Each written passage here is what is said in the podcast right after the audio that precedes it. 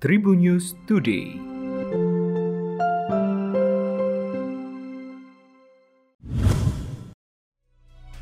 Halo, apa kabar Tribuners? Berjumpa kembali bersama saya Devi Rahma di Tribun News Today. Devi akan berbagi informasi menarik hari ini, mulai dari info nasional, regional, selebritis, dan olahraga. Usulan penundaan pemilu 2024 menuai polemik masyarakat dan berbagai partai politik. Jokowi pun angkat bicara soal usulan tersebut. Ia mengatakan dirinya akan patuh dan taat pada konstitusi UUD 1945. Namun di sisi lain pernyataannya, Jokowi juga menyebut pendapat soal penundaan pemilu juga tak bisa dilarang. Pasalnya, menurutnya usulan tersebut bagian dari demokrasi. Pernyataan Jokowi ini pun mendapat tanggapan dari politisi sekaligus wakil sekjen Partai Demokrat Jensen Sitiandaon. Jensen menilai pernyataan Jokowi tersebut kurang tegas. Hal tersebut karena Jokowi memperbolehkan siapa pun berpendapat untuk pemilu 2024 ditunda. Kepala Operasi Damai Kartens 2022, Kombes Pol Muhammad Firman memimpin proses evakuasi pekerja Palapa Timur Telematika, yakni korban penembakan kelompok kriminal bersenjata pada Sabtu 5 Maret 2022. Dalam rangka proses evakuasi, pemberangkatan dilakukan melalui Bandara Penerbangan Moses Kilangin Mimika. Mengingat area ini yang terdekat untuk menuju lokasi kejadian.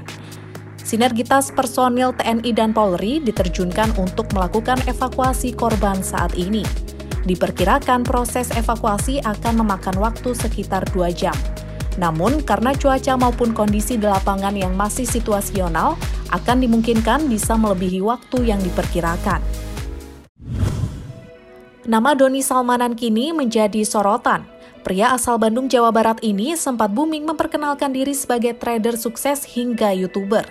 Namun, setelah Indra Kents tersandung kasus binomo, nama Doni ikut terseret kasus serupa.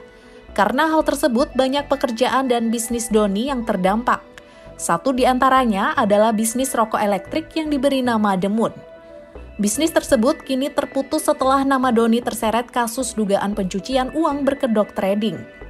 Doni Salmanan telah dicoret sebagai brand representatif per 1 Maret 2022.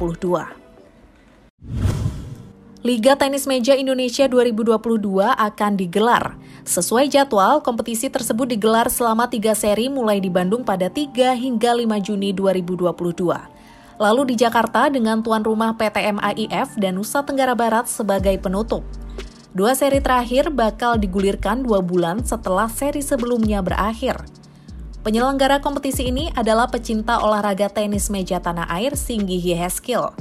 Ayah pecatur nasional putri GMW Iren Karisma mencoba menyemarakan kembali olahraga tenis meja setelah beberapa tahun belakangan tidak aktif. Pada kompetisi nanti, Singgi bertugas sebagai penanggung jawab Liga Tenis Meja Indonesia. Demikian tadi empat informasi terupdate hari ini. Jangan lupa untuk terus mendengarkan Tribunnews Today hanya di Spotify, Tribunnews Podcast, dan Youtube tribunnews.com. Saya Devi Rahma pamit, sampai jumpa. Tribunnews Today